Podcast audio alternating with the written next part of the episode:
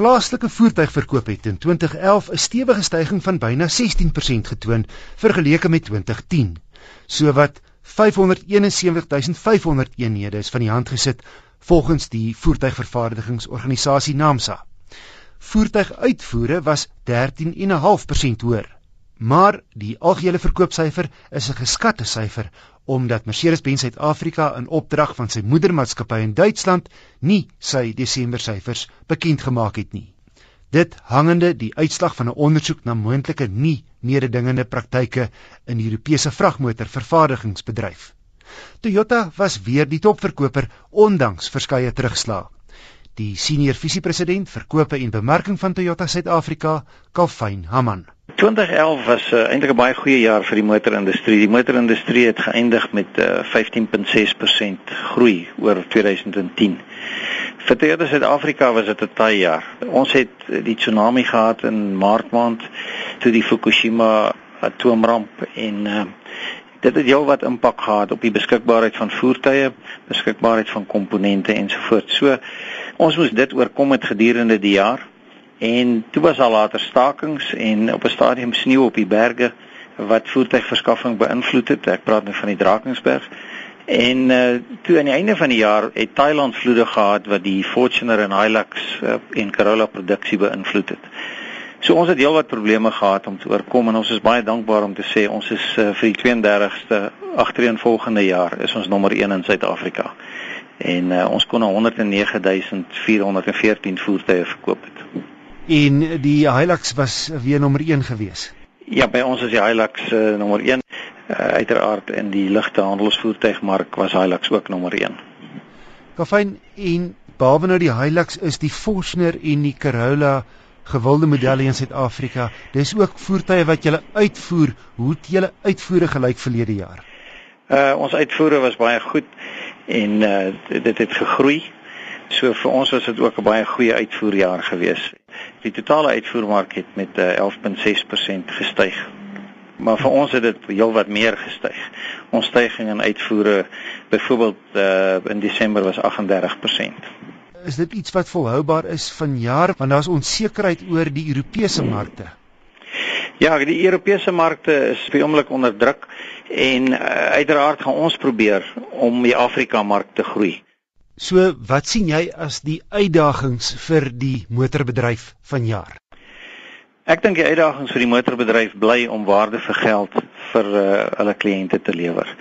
En daar's heelwat dinge wat hierdie jaar uh, dit heel moeilik kan maak en dit is soos die uh, wisselkoers skommelinge wat plaasvind, uh, die rand uh, verswak teenoor buitelandse geldeenhede en dis mense se besteedbare inkomste neem af. So ons is bang vir inflasie wat sal styg. Alhoewel ons glo dit nie veel sal styg nie, maar daar's ook salarisstygings. Al hierdie dinge bring kostes mee uh, wat gaan maak dat mense minder besteedbare inkomste het. Kalfyn Haman van Toyota Suid-Afrika. Die uitvoerende bestuurder van Namsa, Norman Lambrecht, stel verdere groei in die vooruitsig. Die bedryf was vir die grootste deel van die jaar op koers om die vorige rekord van 284 000 eenhede wat gedurende 2008 uitgevoer is, oorskry, maar die ekonomiese verwikkelinge in veral Europa het egter die laaste paar maande van die jaar 'n impak begin toon op die bedryf se voertuiguitvoere. Die 271763 voertuie wat uitgevoer is, verteenwoordig egter nog steeds die tweede beste jaarlikse uitvoersyfer op rekord vir die bedryf wat 2012 aanbetref lyk vooruitsigte vir voertuiguitvoere goed in aggenome groot nuwe uitvoerprogramme wat gedurende hierdie jaar in werking tree en die verwagting is dat 'n hoogtepunt van 320 000 eenhede hierdie jaar bereik kan word. Maar hy voorspel dat die groei gaan afplat.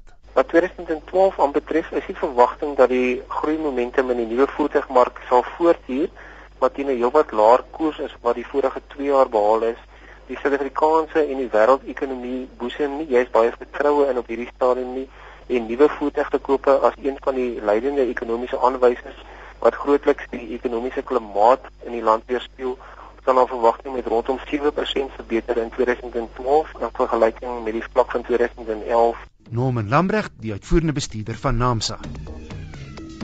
'n Jeep wat nie 'n 4x4 is nie. Ja, dis wat Jeep met hulle opgekikkerde Compass gedoen het, die goedkoopste in die stal teen R270 000. Want Die meeste kopers ruik nie eers grondpad nie, om van veldry nie eens te praat nie. Hy trek nou uitsluitlik met sy voorwiele en kom net in een modelle 2 liter petrol. Die wat vierwielaandrywing wil hê, kan steeds die Patriot aanskaf, in wese dieselfde kar maar met 'n meer vierkantige voorkoms. Jeep het nogal 'n slim ding gedoen om sy sagste kar te verbeter. Hulle het hom 'n neus gegee wat baie sterk trek op die Grand Cherokee, die grandste Jeep te koop. Ook die binneruim van die Mini Grand Cherokee as jy wil is vernuwe. Ek sal nou nie so ver gaan as om die Compass 'n premium produk te noem nie soos Jeep se bemarkingsmense jou wil laat glo, maar ek moet sê die aanvoelbare kwaliteit in die kajuit is goed, iets beter as sy voorganger. Teen die prys is die Compass goed toegerus onder meer leersitplekke en leer op die lekker dikraam stuurwiel en op die stuur is daar verskeie funksies vir die telefoon, die ritrekenaar, die kompas en die spoedbeheer. En dan is die bestuurder se sitplek elektries verstelbaar en die voorsitsitplekke kan ook verhit 'n handige funksie in die winter. En hier's elektroniese traksiebeheer. Die nuwe weergawe kom nou ook met 'n fermer veerstelsel maar die rit is steeds gemaklik die 2 liter se kraglewering is 115 kW en 190 Nm niks om oor huis te skryf nie maar die eenheid doen sy ding op 'n relatiewe stil manier selfs teen hoër toere. Die kleinboot is proporsioneel nie heeltemal so aantreklik soos die Grand Cherokee nie en hy's glad nie so taaf soos sy viertrek grootbroer nie, maar hy's teen 270 000 rand goed geprys vir wat jy kry. Dis nou indien jy nie omgee om 'n melkbaar tweewiel aangedrewe Jeep te ry nie. Die Toyota Fortuner is loshande die gewildste sportnutsvoertuig in die land. Hy verkoop so 1000 eenhede per maand, maar tot nou toe net in 4 liter petrol en 3 liter turbo diesel. Nou is daar 'n splinternuwe agterwiel aangedrewe intreevlak model teen byna 70000 rand goedkoper as die voorheen goedkoopste model. So, wat het Toyota gedoen om geld te bespaar? Hierdie basismodel gebruik 'n 2.5 in plaas van die 3 liter turbo diesel Hy het net twee voorste lugsakke teenoor die ander modelle se 6 gewone lugversorging eerder as klimaatbeheer en hy het nie tog beheer en leersitplekke nie. En waar Toyota aan die ouderwetse ligbruin bekleedsel kom, slaan my dronk. Dis nie net onooglik nie, dit gaan ook gou vuil smeer. Hierdie buiskleur en dit bots met die grys van die paneelbord en die grys van die middelkonsole tussen die twee voorste sitplekke. Wat die lugsakke aanbetref, dis jammer dat Toyota op net twee besluite. Dis immers 'n gesinswaardie selfs die nuwe Yaris se basismodel wat minder as die helfte kos as hierdie Fortuner, het vier lugsakke. So uit 'n veiligheidsoogpunt kon Toyota regtig beter gedoen het. Die maatskappy sal natuurlik moet sê dat hulle maniere moes vind om die prys laag te hou. Hy darm die jongste geslag ABS of dan sluitweerremme en elektroniese glybeheer wat keer dat die agterwiele tol. Veral om 'n draai is dit 'n belangrike veiligheidseienskap. En Toyota het gelukkig nie verdere toerusting weggevat op hierdie basismodel nie. Hy het ook 'n ritrekenaar, 'n goeie radio CD-speler, verstelbare hoofligte, 'n aparte ligversorgingsgate hier agter vir die middelste en agterste rye en tweedery sitplekke wat kan vorentoe en agtertoe skuif afhangende van die bagasie ruimte wat jy benodig en 'n sesde en sewende sitplek wat individueel kan opslaan. Die 2.5 lewer heeltemal voldoende krag.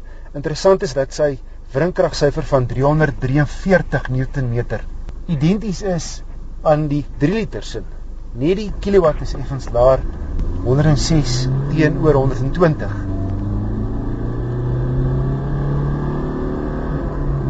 Vyf ratte vorentoe is goed gespasieer gegee vir die feit dat 'n turbo diesel nogal 'n nou kragband het en die ratte met ander woorde nie te ver uit mekaar gespasieer kan wees nie. Die Fortuner is net lekker gerad dat jy nie 'n sesde rad nodig het nie op die lang pad.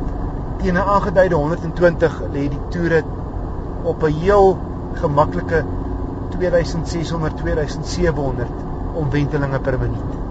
Ek het gevind dat die 2.5 dieselmasjien effens harder loop as die 3 liter, soos in effens meer lawaai maak. Maar in die geheel gesien bied die intree vlakmodel teen R325500 baie goeie ware vir geld en teen die prys bring Toyota die gesogte Fortuner nou binne die bereik van nog 'n hele klomp Suid-Afrikaners.